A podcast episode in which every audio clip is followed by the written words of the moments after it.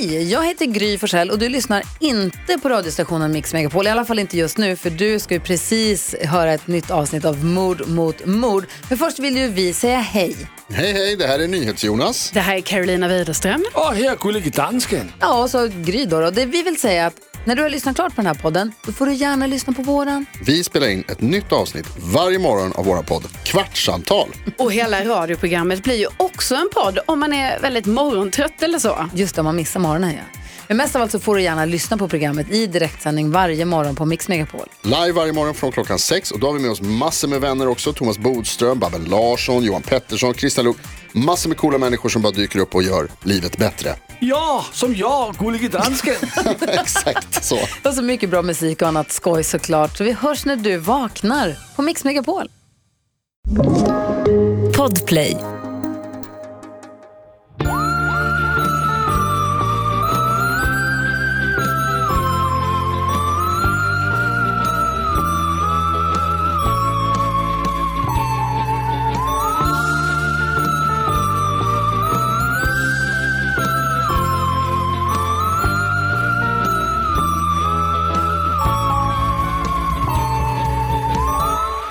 Då hälsar vi hjärtligt välkomna till veckans avsnitt av Mord mot mord med två rykande färska fall coming your way.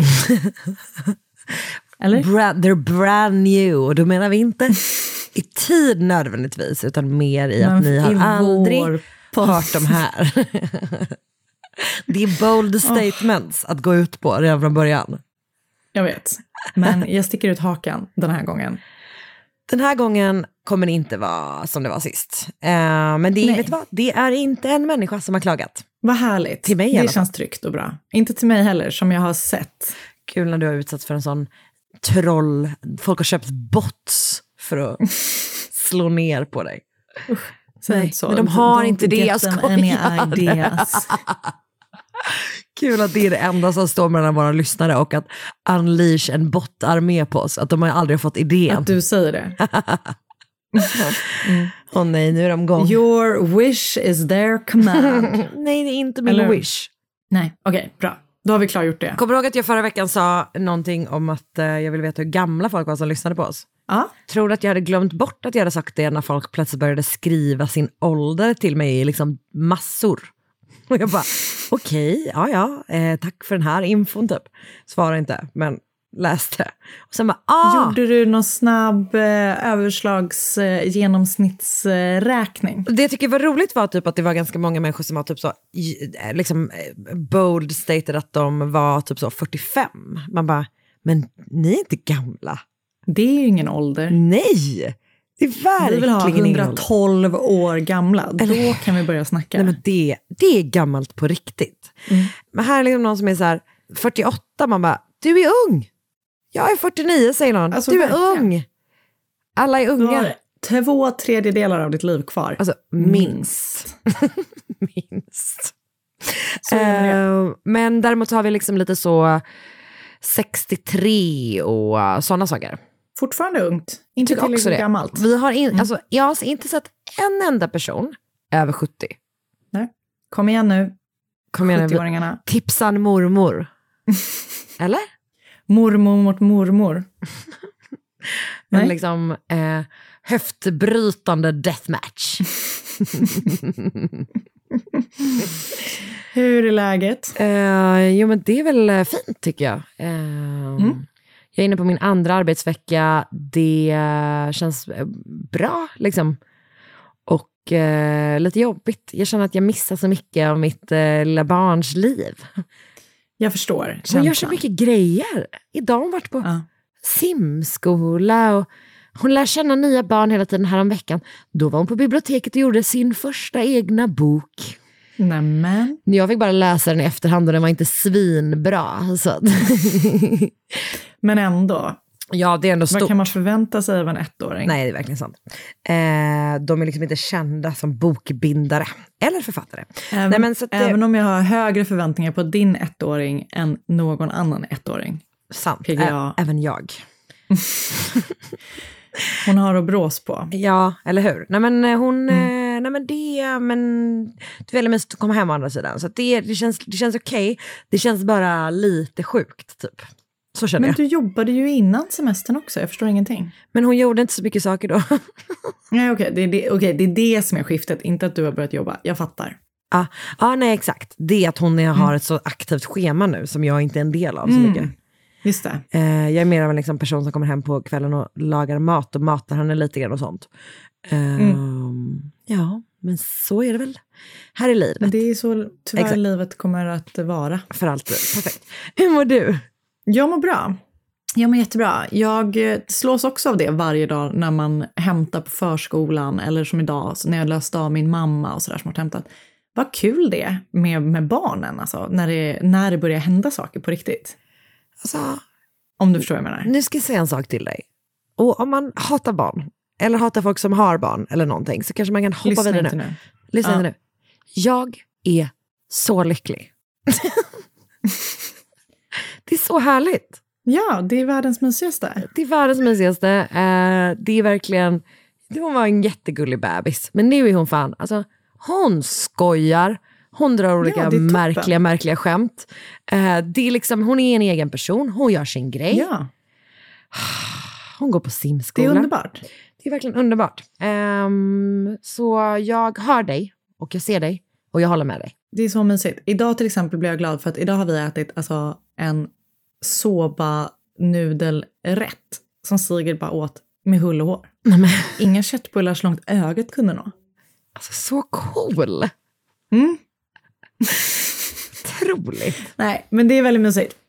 Och det, det var en rätt för det första. Vi har satt igång igen för att komma tillbaka in i rutinerna med matkasse Mm. tre kvällar i veckan. Mm. Härligt. Jag är väldigt glad för det. Det var väldigt god mat. Bra. En ny matkasse som vi testar nu. Väldigt glad för det. Du vill verkligen inte säga vad den heter för att du tänker att de ska sponsra oss? Yes? Nej? Jag tänker inte ge dem några free rides i alla fall. Men väldigt Men bra. om ni lyssnar, pip, pip. Nej, men det tycker jag är sånt, det känns som ett lifehack. Att man bara, ja jag vet vad jag ska laga ikväll i alla fall. Men grejen är att jag älskar ju att hitta på vad jag ska laga ikväll. Jag vet, min- jag gör inte det. Bästa stund på dagen. Men vad härligt. Och eh, min bästa gemensamma matupplevelse med mitt barn hittills är ju när vi delade en mostallrik på en bensinmack i Rotebro. Mm, mysigt. Då kände jag att jag bara, japp, här har vi två mäktiga tjejer. Mosätande. jag är ju ingen mos-fan så jag, jag har svårt att relatera till det. Men ehm, Okej, du kan hålla dig till dina en påse chips. soba-nudlar. jag gör gärna på sig chips framför soffan. Framför soffan. Så Vi ligger på golvet framför Ja. soffan. Vad mysigt. Det är ändå mysigt att ligga framför, på golvet framför soffan. Um, Okej, men eh, bra. Vi mår helt enkelt bra. Kan vi komma fram till det? Ja. Något annat kul du har berättat? Fan, vad tråkig jag känner mig nu. Nej, Nej. ingenting. Har du, Nej, har, du, har, du, har du sett något? Nej, jag känner likadant. Vi tittar vidare på The Dropout. Oh, vi började kolla på, um, nu, nu talar jag väl till döva öron igen, för du kollade väl inte på Game of Thrones? Nej, ja, den nya, ja. Nej. Mm. Vi såg första avsnittet av House of Dragons Ja. i helgen. Hur verkar det? Och eh, men alltså, först var, kände vi båda två, så här, jag och Oskar, var, vi var så här, mm, känns lite B. Mm. Men sen när man liksom väl eh, började komma in i det Mm. så tycker jag ändå att det har något liksom. Ja. Men jag har ju glömt bort hur jävla blodigt och äckligt eh, Game of Thrones eh, är. Och det här känns också, det är lika äckligt också. Mm. Men ehm, Du får det nog av den här podden. exakt så. Mm. Men eh, det, jag, tycker ändå, jag tycker ändå, om man gillade Game of Thrones så, så tycker jag väl att man ska titta på det här också. Mm. Säger jag efter ett avsnitt. Men eh, jag tycker nog det. Jag har inte berättat om den personen som, när jag sa så här, det är sjukt, man tänker att Game of Thrones var på riktigt och sen så kommer det drakar och då inser man att det är fantasy. Ja. Och den personen svarade mig bara, men hur vet du att drakar inte har funnits? Vilken, beskriv miljön. Alltså vilken sorts situation var du? På en dejt. Nej. Jo, rakt av på en dejt. Men ska du verkligen hänga ut Oscar på det sättet? Nej, alltså då hade, vi, då hade vi inte suttit här med ett barn kan jag säga, om det hade hänt. Alltså Men det vad, var... Då hade ni suttit där med en drake. Men var personen, det var inte ett skämt liksom? Nej, helt allvarlig. Eh, teorin var väl liksom lite så att det har funnits Dinosaurier. dinosaurier. Oh och hur långt off är en men- drake? Och typ så här, vad är det som säger att det inte var, alltså, nej nej. Galning. Straight Ändå. up. Alltså det är väl ändå, Galning. det är väl ganska bestämt liksom. liksom det, det finns väl konsensus kring att en drake är ett fantasydjur. Det tror jag ändå. Och eh, jag kan också typ känna att så här, vad är nästa steg? Tror personen också på typ eh, liksom, Loch Ness, Loch Ness, enhörningar. aliens. Det blev bara tyst. Jag bara tänkte att någonstans så måste det väl Ja, grejen är, jag, jag vet, jag tror också det. Jag, jag tror inte att de är aliens som kommer hit och hämtar folk, men det finns ju liv på en annan planet, eller?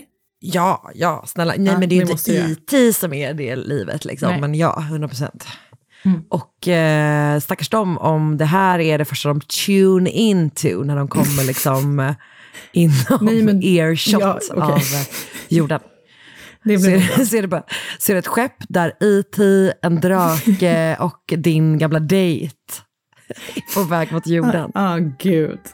Då gömmer jag mig. Han fick rätt hela tiden. Mm. Eh, Okej, men du, ska vi bara sätta igång med Vi den här kör eh, podden vår då? podd. Ja. Okej. Ja. Ett poddtips från Podplay. I podden Något Kaiko garanterar östgötarna Brutti och jag, Davva, dig en stor dos skratt. Där följer jag pladask för köttätandet igen. Man är lite som en jävla vampyr. Man har fått lite blodsmak och då måste man ha mer. Udda spaningar, fängslande anekdoter och en och annan arg rant. Jag måste ha mitt kaffe på morgonen för annars är jag ingen trevlig människa. Då är du ingen trevlig människa, punkt. Något Kaiko, hör du på Podplay. Därför är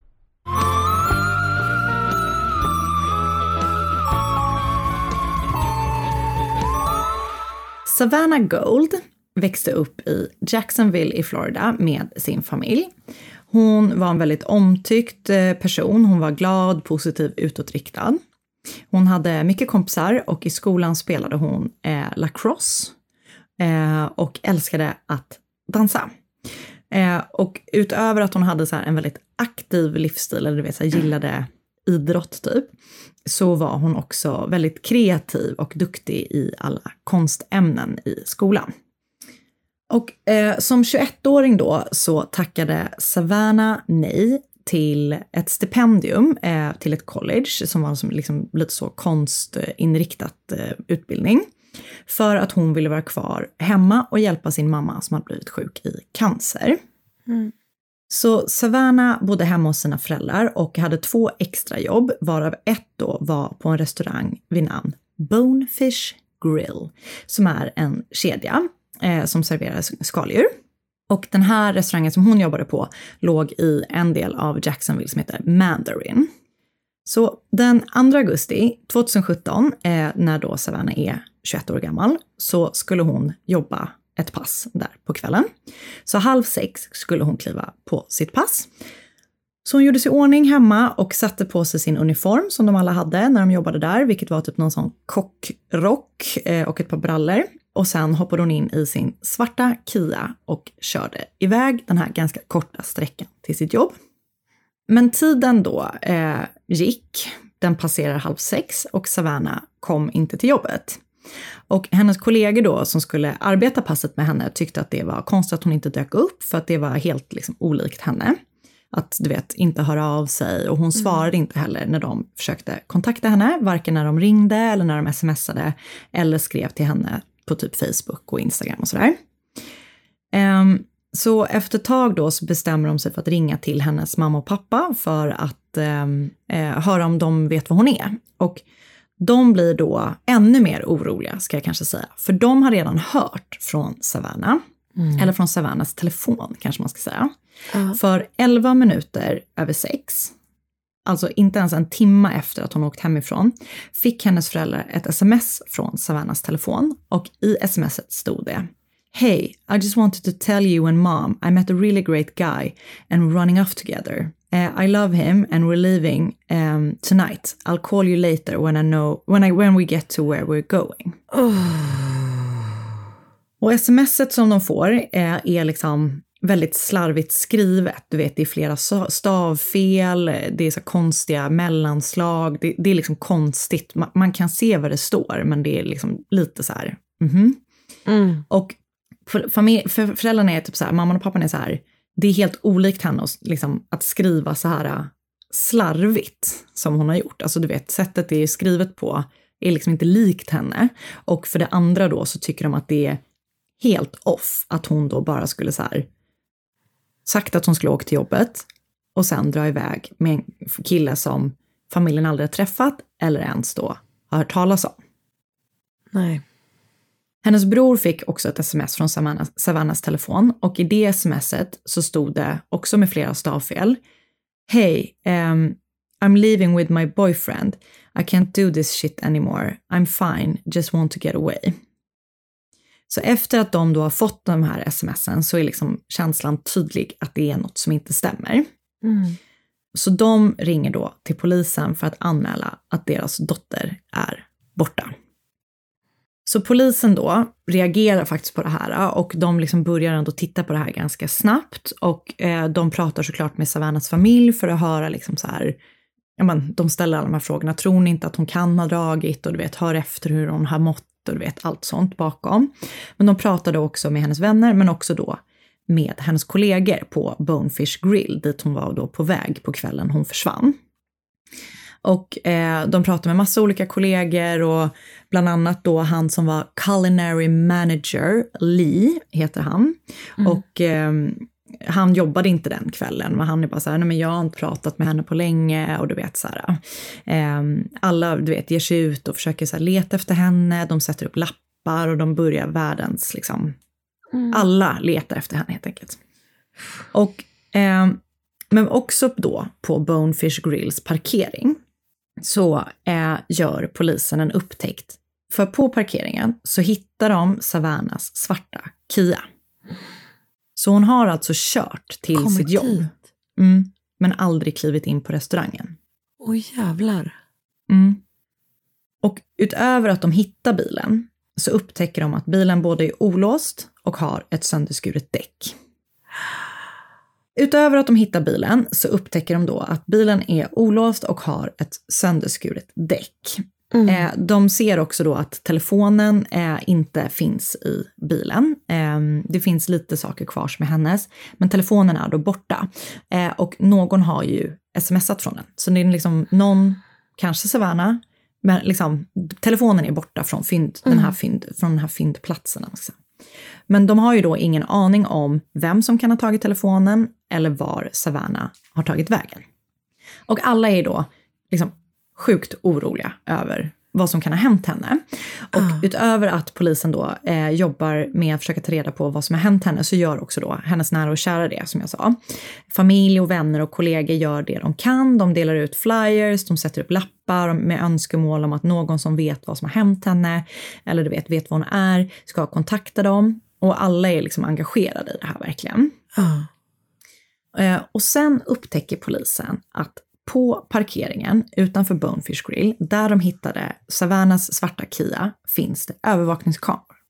Så de bestämmer sig såklart för att kolla igenom materialet på de här kamerorna från den dagen som Savannah försvann. Och på filmmaterialet så ser de att Savannah kör in med sin bil på parkeringen. Hon parkerar den och kliver ut ur bilen. Men när hon kliver ut ur bilen så går hon liksom inte direkt in på jobbet, utan hon går fram till en annan bil som står parkerad på parkeringen. Hon böjer sig fram för att prata med personen som sitter i framsätet. Man ser att det är en man och han har dragit ner rutan och hon böjer sig fram, du vet sådär som man kan stå. Ja. Och de pratar liksom ett tag, så polisen tycker att det verkar som att de känner varandra, för de verkar liksom ha ett vanligt samtal med varandra. Eh, och sen så reser hon sig upp från fönstret, eller vad man ska säga. Så går hon, liksom, hon, hon går runt bilen och hoppar in i baksätet. Och sen, bara kort efter att hon hoppat in i baksätet, kliver mannen som suttit i framsätet ut ur bilen, men bara för att hoppa in igen. Och den här gången sätter han sig då i baksätet bredvid Savannah. Okej. Och sen händer någonting som är väldigt obehagligt. För att på filmen så ser de att bilen börjar liksom skaka. Den börjar röra på sig jättemycket. Och dörrarna där bak öppnas och stängs och det ser ut som att de som sitter i bilen liksom bråkar. Alltså du vet, det händer saker i bilen. Tre gånger öppnas och stängs eh, bak, bak, baksätesdörren. Liksom. Vet du om det är på hennes sida eller hans sida? Det vet jag faktiskt inte. Nej. Och men, och sen slutar bilen att skaka. Och röra på sig. Och så kliver den här mannen ut ur bilen. Och då går han fram till Savannas svarta Kia. Alltså tar han någonting från hennes bil. Sen böjer han sig ner och skär sönder framdäcket på bilen. Sen går han tillbaka till sin egna bil och liksom bränner iväg från parkeringen utan att Savannah klivit ut. Och klockan på övervakningsbilderna visar att klockan är fyra minuter över klockan sex. När han kör Och de iväg fick på- typ ett meddelande, typ så, vad var det, 11 minuter över sex? typ. Exakt. Ah. Så 34 minuter efter att Savannah skulle ha börjat sitt skift och drygt 40 minuter efter att de själva kört in på parkeringen så åker han därifrån. Så då är de så här, hmm, vem har en sån här bil? Det verkar, inte, Ja. det verkar som att man inte kan se vem mannen är. Liksom. Det verkar vara ganska dålig upplösning så. Men de har, det, den här, den här, det är en silvrig bil av något speciellt märke, så de börjar säga, vem har en sån här bil? Och det visar sig att eh, en person på eh, Savannas jobb har en sån här bil.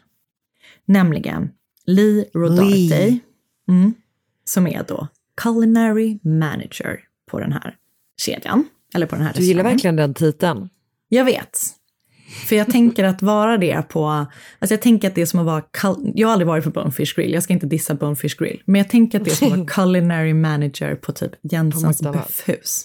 Mm. Ja. Nej, jag tänker att det är lite bättre än McDonalds ändå. Alltså jag älskar ju McDonalds, men jag ja, är tänker mer...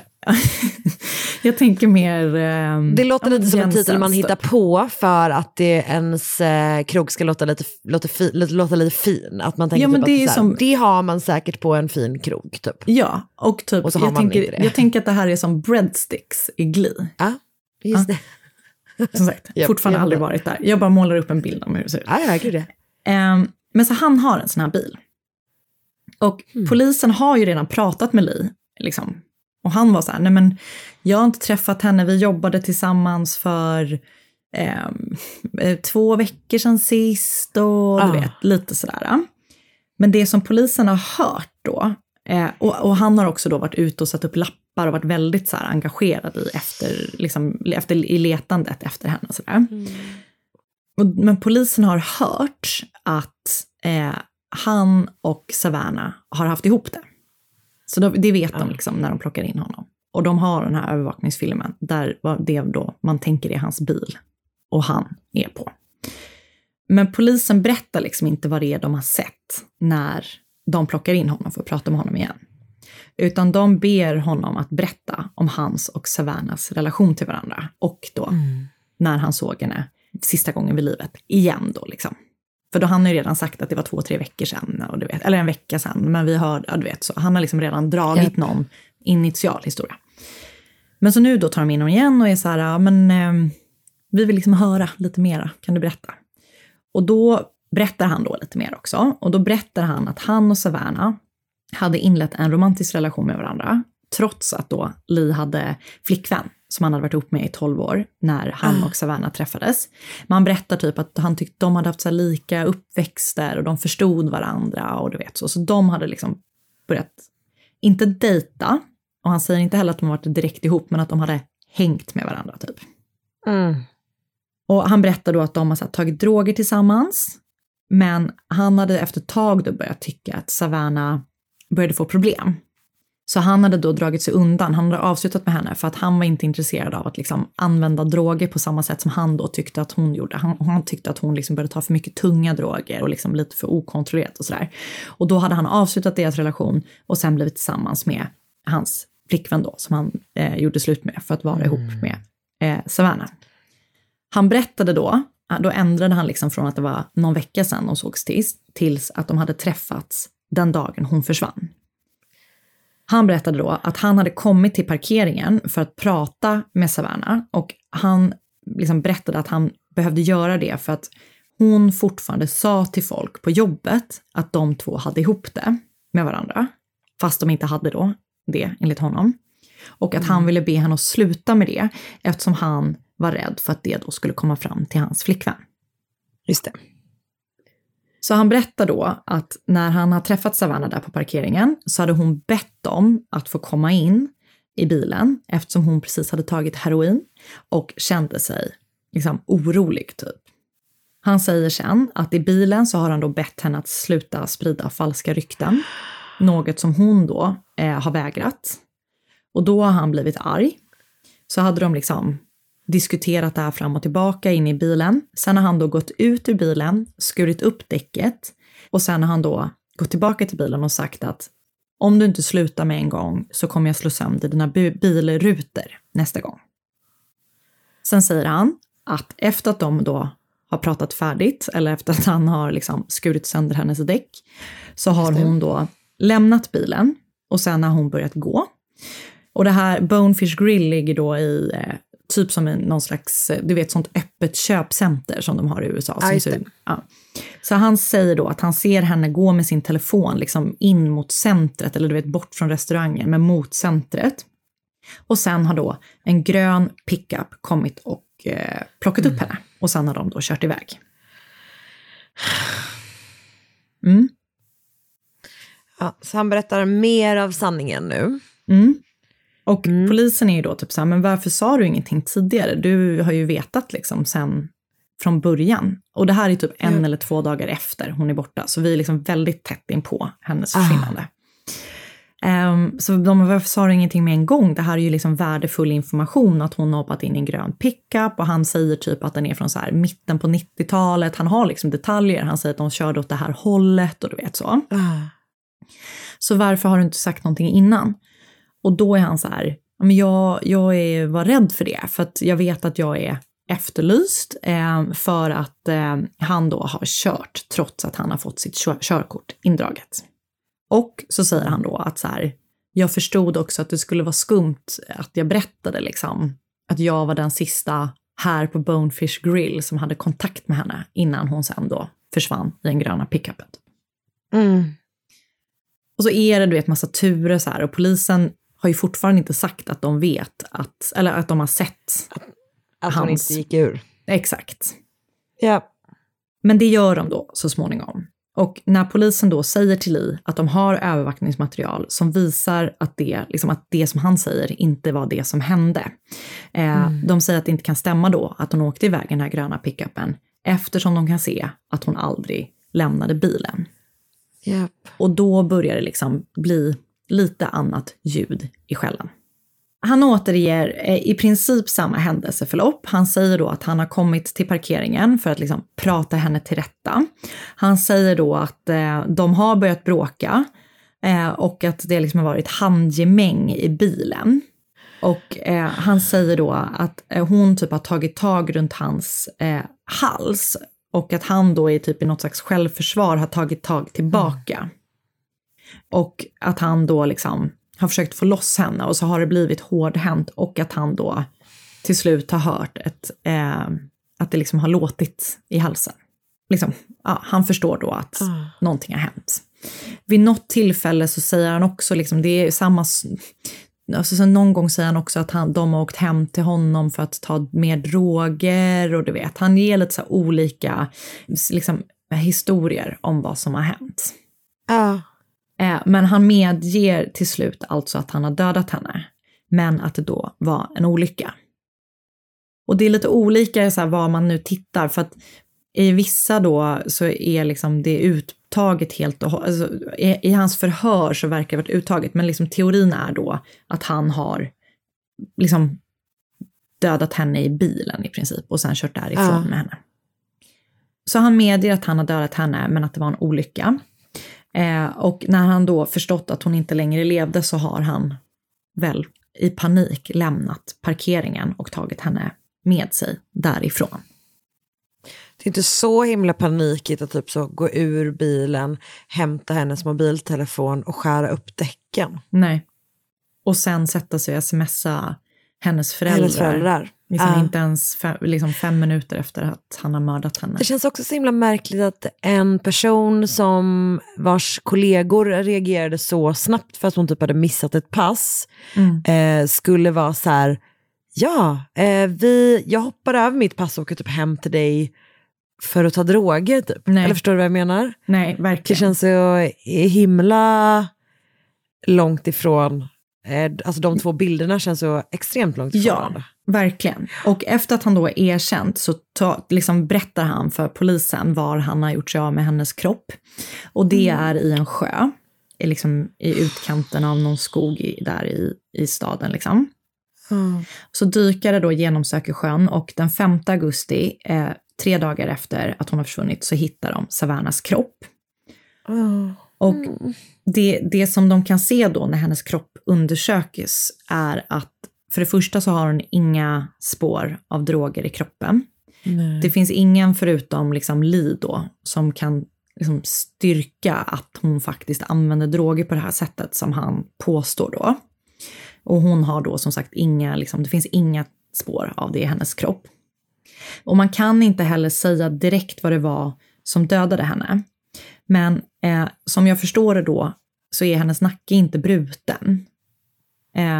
Utan det är liksom skador på det. Men, men, och han har ju då hävdat att det hände snabbt. Liksom. Men, men, men, men det verkar då ändå tyda på att det har varit en kamp och att det liksom har tyvärr eh, liksom krävts, det har tagit mer tid än vad han liksom återger i sitt Ja. vittnesmål. Japp. Det känns så jävla vanligt för att det tar jättelång tid att typ strypa någon. Ja, det verkar ju... Eh, att det liksom inte är så här heat of the moment Nej, Sådär exakt. som folk gillar att typ påstå att det är.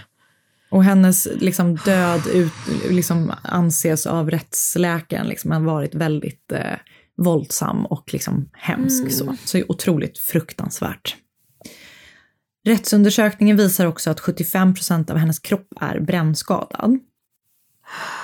Och hemma hos Lee Rodarte då så hittade polisen knivar, blekmedel och bensin. Och på hans gård så hittade de en grop där han då har eldat i. Så teorin är då liksom att han, efter att han har mördat Savannah, så tog han med henne hem och försökte bränna hennes kropp. Eh, men det, det verkar också vara någonting som han har liksom missbedömt hur lång tid det tar eh, att göra. För att eh, det, det sägs då att hans rumskompis kom hem och då fick han liksom gömma kroppen igen och då gjorde han sig av med kroppen i sjön. Så jäkla hemskt. Och Lee Rodarte dömdes eh, till slut då för 40 år i fängelse för mordet på Savannah och för att ha manipulerat bevis efter mordet. Och eh, han, hennes familj, jag har läst lite så här intervjuer med hennes föräldrar och det är bara så jäkla sorgligt att hon är 21 år och hon liksom, du vet, verkar vara så här, ja men du vet bara att hon så här tackade nej till ett college-stipendium stipendium bara för att så här, Han och sin mamma. nej det är så jäkla hemskt. Och exakt vad som då ska ha varit motivet till att han mördade henne, det vet man ju inte, utan det är ju liksom hans version som finns då, att han gjorde det för att han typ var rädd att han, hon skulle avslöja deras relation. Men vad som egentligen hände vet man ju inte mer än att det bara är så fruktansvärt eh, med en så ung person som liksom råkar ut för en fruktansvärd människa som bara berövar en på hela ens framtid.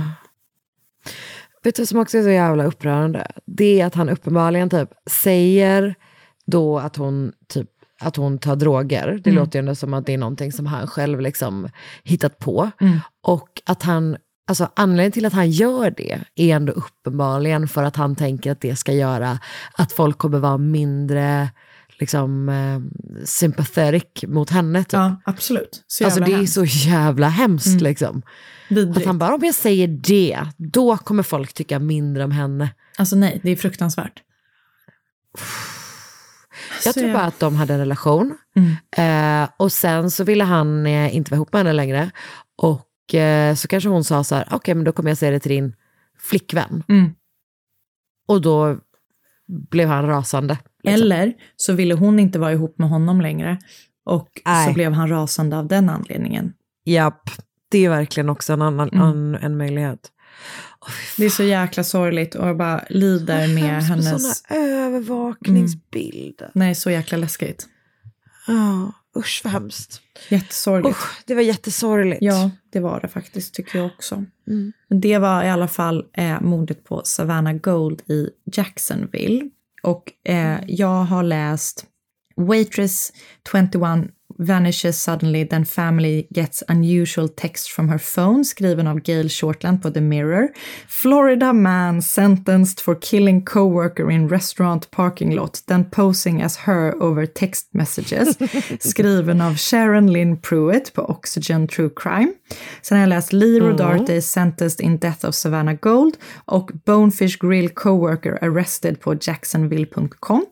Sen har jag lyssnat på ett avsnitt av Monsters som heter Lee Rodarte och sen har jag hört ett avsnitt som heter, eller av Anything You Say som heter She Never Got Out of Your Car.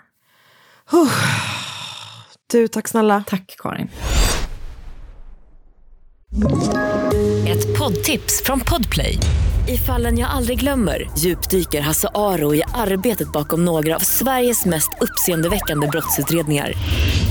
Går vi in med hemlig telefonavlyssning och, och då upplever vi att vi får en total förändring av hans beteende. Vad är det som händer nu? Vem är det som läcker? Och så säger han att jag är kriminell, jag har varit kriminell i hela mitt liv men att mörda ett barn, där går min gräns. Nya säsongen av Fallen jag aldrig glömmer på Podplay.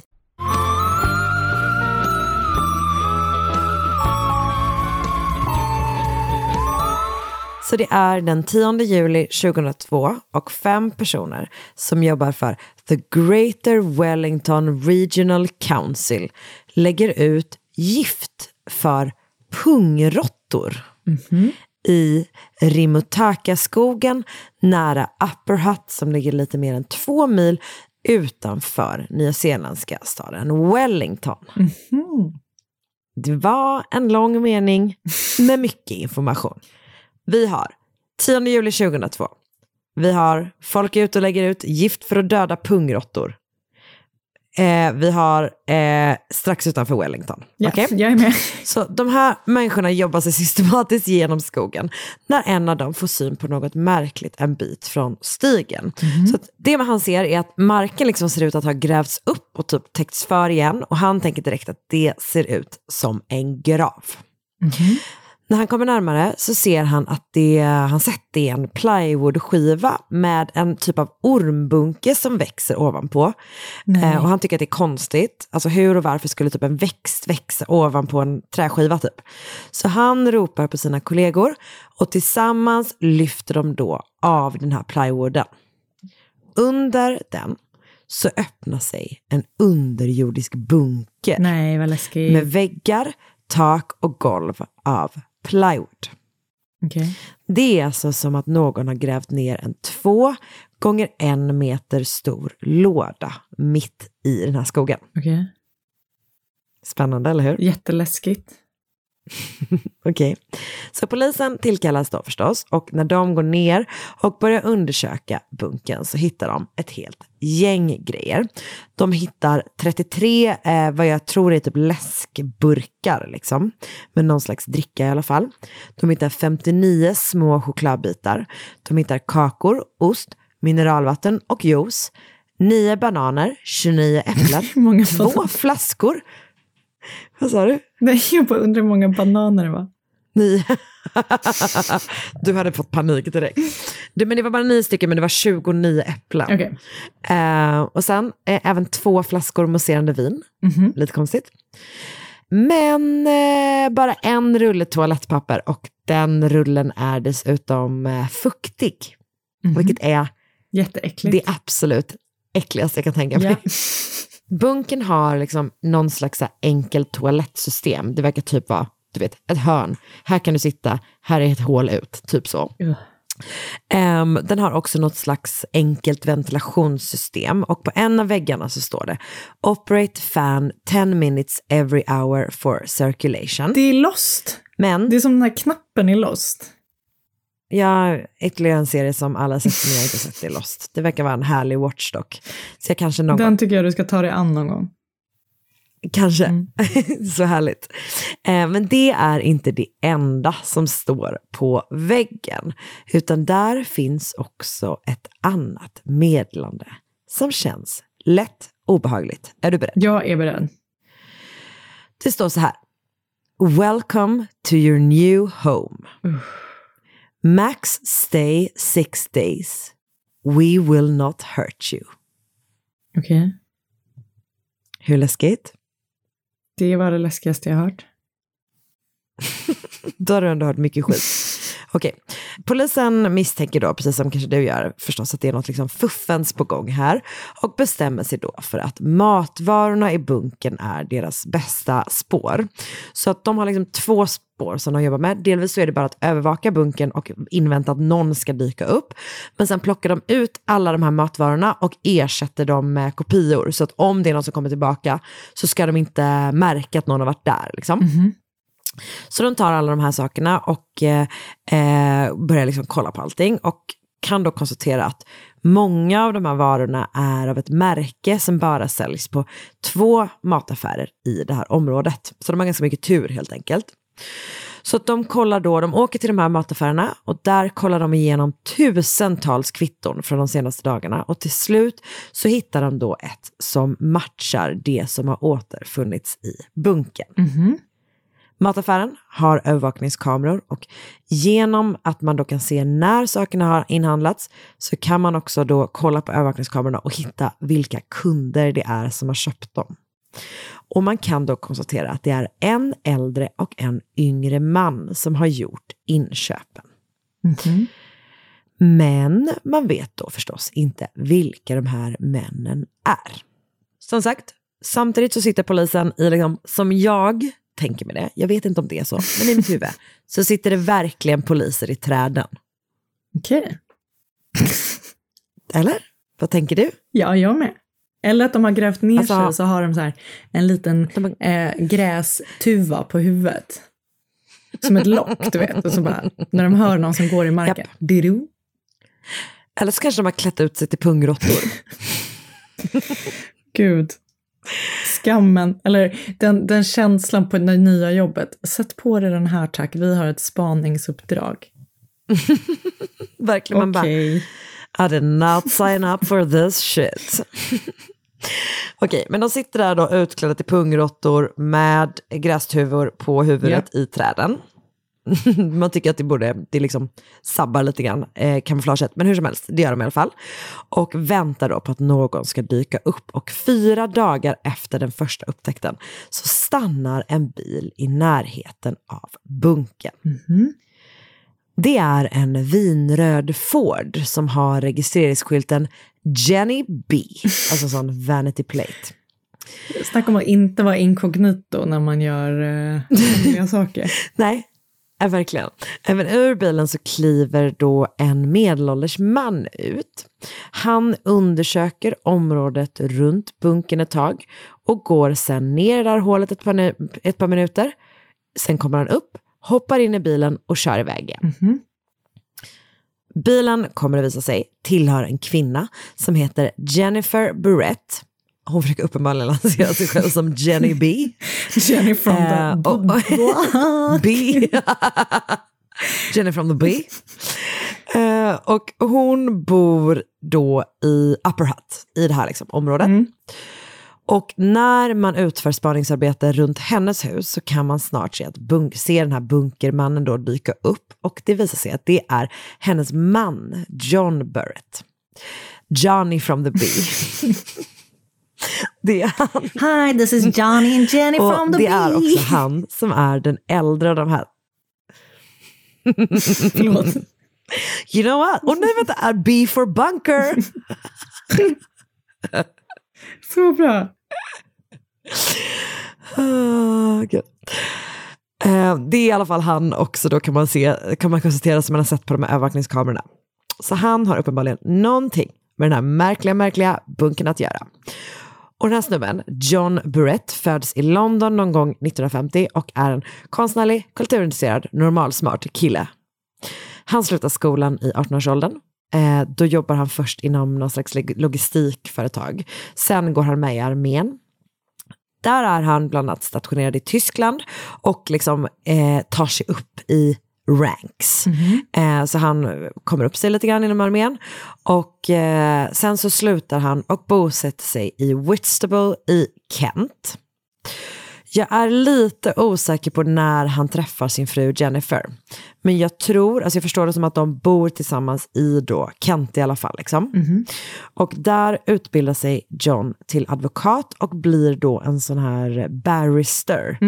Vilket ju i Storbritannien är en advokat som väl typ bara jobbar i rättegångar tror jag. Jag tror det. En sån med en sån fånig peruk liksom. Exakt. Så han är då där och eh, de verkar, det verkar som att de inte har några gemensamma barn. Men hon har en son från en tidigare relation. Och John är, han är lite av en liksom over the top, lite så flashig person. Alltså gör han någonting så vill han göra det hela vägen om du förstår. Mm. Så att han är, han är också liksom lite så äventyrlig typ. Som uh, ung så lär han sig segla, du vet han köper någon segelbåt och typ ger sig av till havs under någon period. Eh, när han är äldre så typ tävlar han en del i segling och sådär också. Han eh, lär sig också flyga och har eventuellt ett eget flygplan. För han och hans fru gillar tydligen att flyga till, du vet flyga någonstans för en lunch typ. Så de har typ så, åh gud vad gott det hade varit med musslor till lunch. Så typ kanske flyger de till Belgien. Lunch. I mitten av 90-talet så flyttar då John och Jennifer först till Australien och sen till Nya Zeeland. Och det finns teorier om att de gör det för att de har skulder som de typ vill komma undan. Eller typ att han har skulder som han vill komma undan. Men det verkar inte finnas några officiella records eh, för det. Men det är liksom vad, vad jag har eh, läst och hört. Eh, men hur som helst, de eh, flyttar till eh, Nya Zeeland, då till Wellington. Och där fortsätter John att jobba som advokat, men tar sig framförallt eh, an typ miljömål. Och Jennifer då i sin tur är eh, mäklare. Och efter ett tag så bestämmer de sig för att göra med lite fastighetsbusiness själva. Så de köper en rejäl bit land då i den här orten Upper Hutt. Och sen styckar de upp den här eh, biten land till nio tomter. Sen behåller de en själva och börjar typ bygga sitt liksom, drömhus. Och sen ska de då bygga hus på de andra tomterna och sälja av. Typ. De ska göra en eh, deal helt enkelt. Men det går då inte riktigt som de har tänkt sig. Och runt år 2000 så har det här paret stora skulder.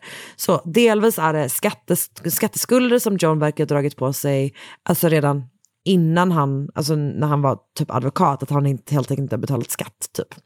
Eh, men det är också stora kostnader från arbetet med de här tomterna. Dessutom har John bestämt sig för att finansiera sin brorson, en 22-årig kille som heter Matthew Payne och som också bor på Nya Zeeland, hans eh, pilotlicens. Perfekt. Det är inte en toppeninvestering när man inte har några pengar. Så att åren går och skulderna är snart uppe i hundratusentals dollar. Bland annat då till banker för olika lån, men också till så här byggbolag. Du vet, folk som har hyr, hyrt ut eh, maskiner eller typ grävt. Massa olika sådana kostnader liksom kopplade till den här eh, fastighetsutvecklingen typ. Till slut så finns eh, i alla fall ett hus, står på den här landen. Men du vet, det är inte beboeligt typ, fortfarande inte, utan det saknas så här, det är inte bunken. Den, han har inte haft eh, det goda, liksom, det goda sättet att bygga bunker på sin egen mark, tyvärr, utan det har han gjort i någon slags eh, typ nationalpark eller någonting. Eh, nej, men så att de har liksom, till slut har de lyckats bygga ett hus utöver sitt eget, men det är inte klart och de har hur mycket skulder som helst. Så det är alltså sommaren 2002. Det ser riktigt dåligt ut ekonomiskt för John och Jennifer. Men snart kommer då situationen att bli ännu sämre. För eh, tidig kväll den 22 juli stannar Barrett-familjens vinröda Ford vid en av ingångarna till den botaniska trädgården i Wellington. Och den ligger i ett av stans allra liksom, finaste områden. Och bakom ratten sitter Jennifers son. Det är, han är 34 år gammal, han heter Simon Philpott. Eh, och han är, bor nog egentligen i England men har typ under en ganska lång tid varit på besök hos sin mamma och styvpappa i Nya Zeeland. Då. Eh, och ur bilen kliver John och den då flygande brorsonen Matthew. Och Matthew bär på en svart väska. De går in i den botaniska trädgården och sen hinner de eh, typ inte längre alls innan polisen omringar dem. Matthew försöker springa tillbaka till bilen men tacklas till marken.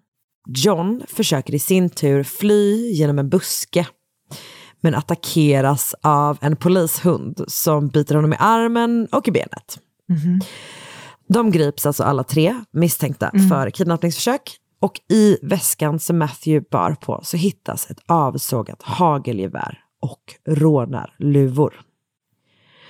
För det John och hans kompanjoner inte känner till är då att polisen eh, följt, dem, alltså liksom följt spåren från bunken till Johns hus.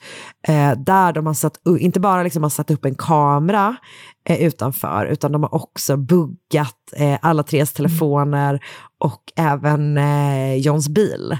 Så att de, eh, they've been listening in kan man säga. Så de har då hört en och annan märklig sak, eller ja, John har väl mer eller mindre liksom berättat hela, alltså en hel kidnappningsplan då. Som han har gått igenom steg för steg. Och det som är planen är då att de egentligen skulle hämta sitt offer under pistolhot, sätta honom i bunken och kräva en miljon då för att han ska friges. Alltså en helt klassisk kidnappning.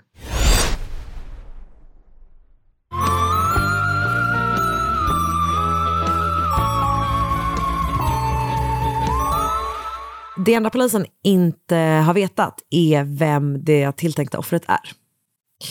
Så de har vid ett tillfälle iakttagit John när han har kört runt i det här området kring den här botaniska trädgården en sommarkväll. Så att de har liksom haft ett hum om att det nog är någon där. Men där bor jättemycket så här, politiker, företagsledare, kändisar. Alltså för det är ett fint område. Så att det finns gott om potentiella eh, måltavlor. Men eh, man hör honom i alla fall. Man, man har liksom tappat bort hans bil. Men man har hört honom säga på den här buggade, eh, antingen på den buggade telefonen eller på en eh, bil buggen i bilen.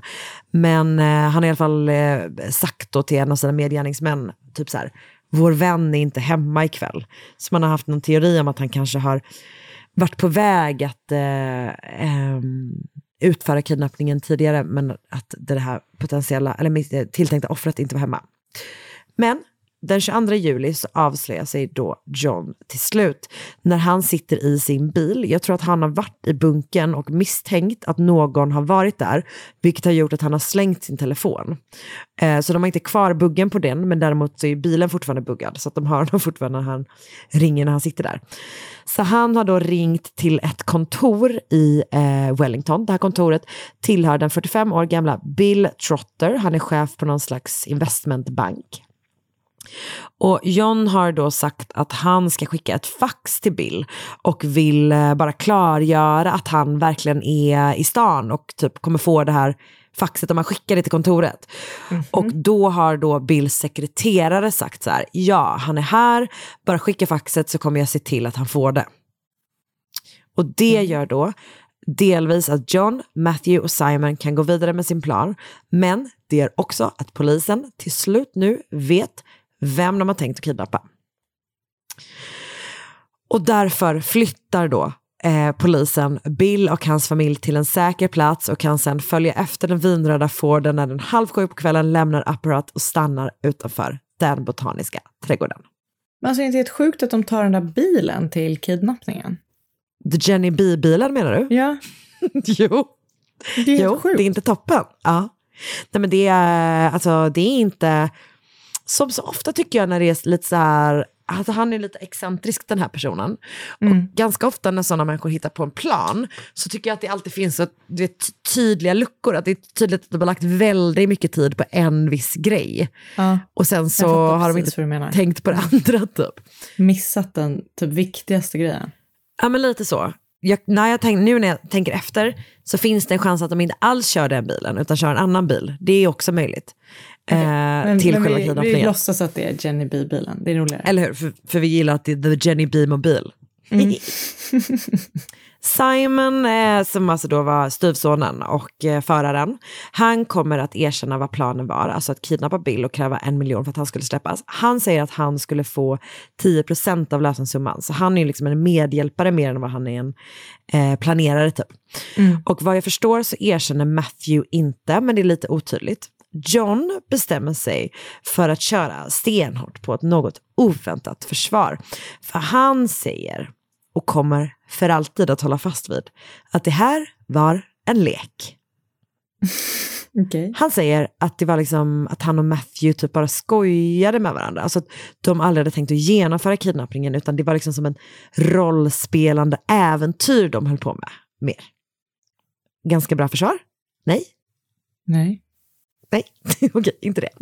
Eh, och eh, trots det då, som att han säger bara att han var på skoj, så åtalas alla tre för kidnappningsförsök eh, och åtminstone Matthew och John även för vapeninnehav. Först får Simon då, som sagt, som erkänt, han får sin dom, den är två och ett halvt år. Och rätten enas då om att hans roll har varit mindre. Och sommaren 2003, alltså ett år efter eh, händelserna, så börjar rättegången mot John och Matthew och den blir jättekonstig.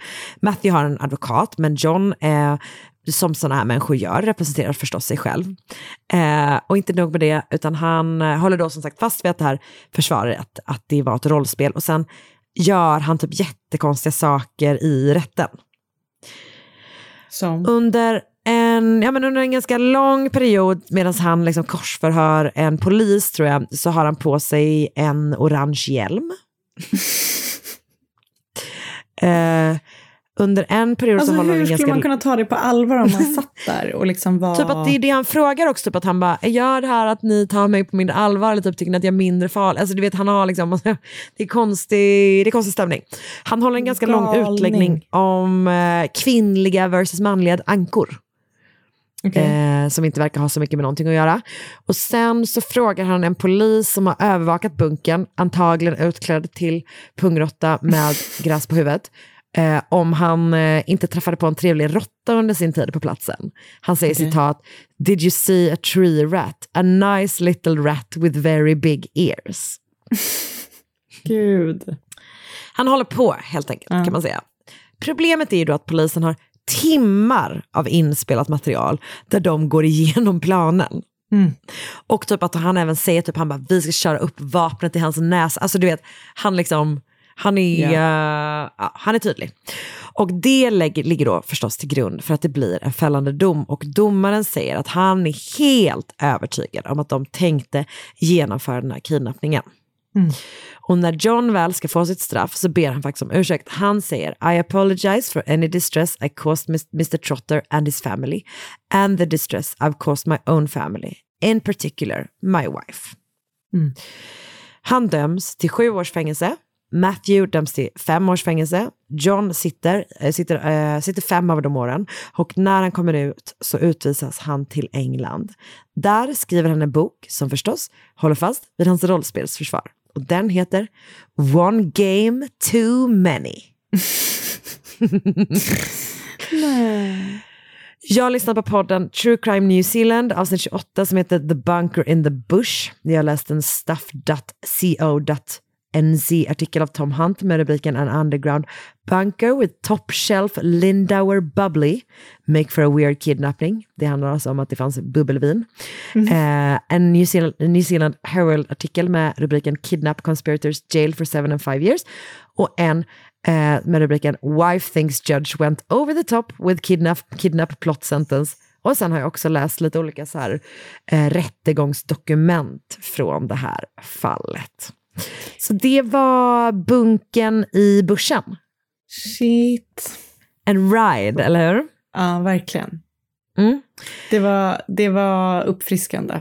Eller hur? Jag kände att det var skönt med, det är alltid, man blir ju alltid glad när ingen dör. Får vi lov att säga. Verkligen. Och när någon Det är en inte ens här. kidnappad. Nej jag vet, jag vet. Men att man ändå får en god story och Mm. Ja, även underbart. det jätte, jätteläskiga meddelandet Welcome to your new home, max stay six days, we will not hurt you. Hade varit mycket läskigare om det inte stod där om sex dagar dock. Alltså, welcome to your new home, punkt, punkt, punkt, Alltså- we will not hurt you. Oh. Ja, Ehm, Det var, det var intressant. Tack snälla Karin. eh, tack ska du ha. Tack till er som har lyssnat. Vi Eh, hörs. vi hörs nästa vecka. Och Det det, vi. kommer ju bli jättebra eh, bra, förstås. Det blir underbart. Eh, Okej, hej då! Ett poddtips från Podplay. I fallen jag aldrig glömmer djupdyker Hasse Aro i arbetet bakom några av Sveriges mest uppseendeväckande brottsutredningar. Går vi in med hemlig telefonavlyssning och, och då upplever vi att vi får en total förändring av hans beteende. Vad är det som händer nu? Vem är det som läcker? Och så säger han att jag är kriminell, jag har varit kriminell i hela mitt liv men att mörda ett barn, där går min gräns. Nya säsongen av Fallen jag aldrig glömmer på Podplay.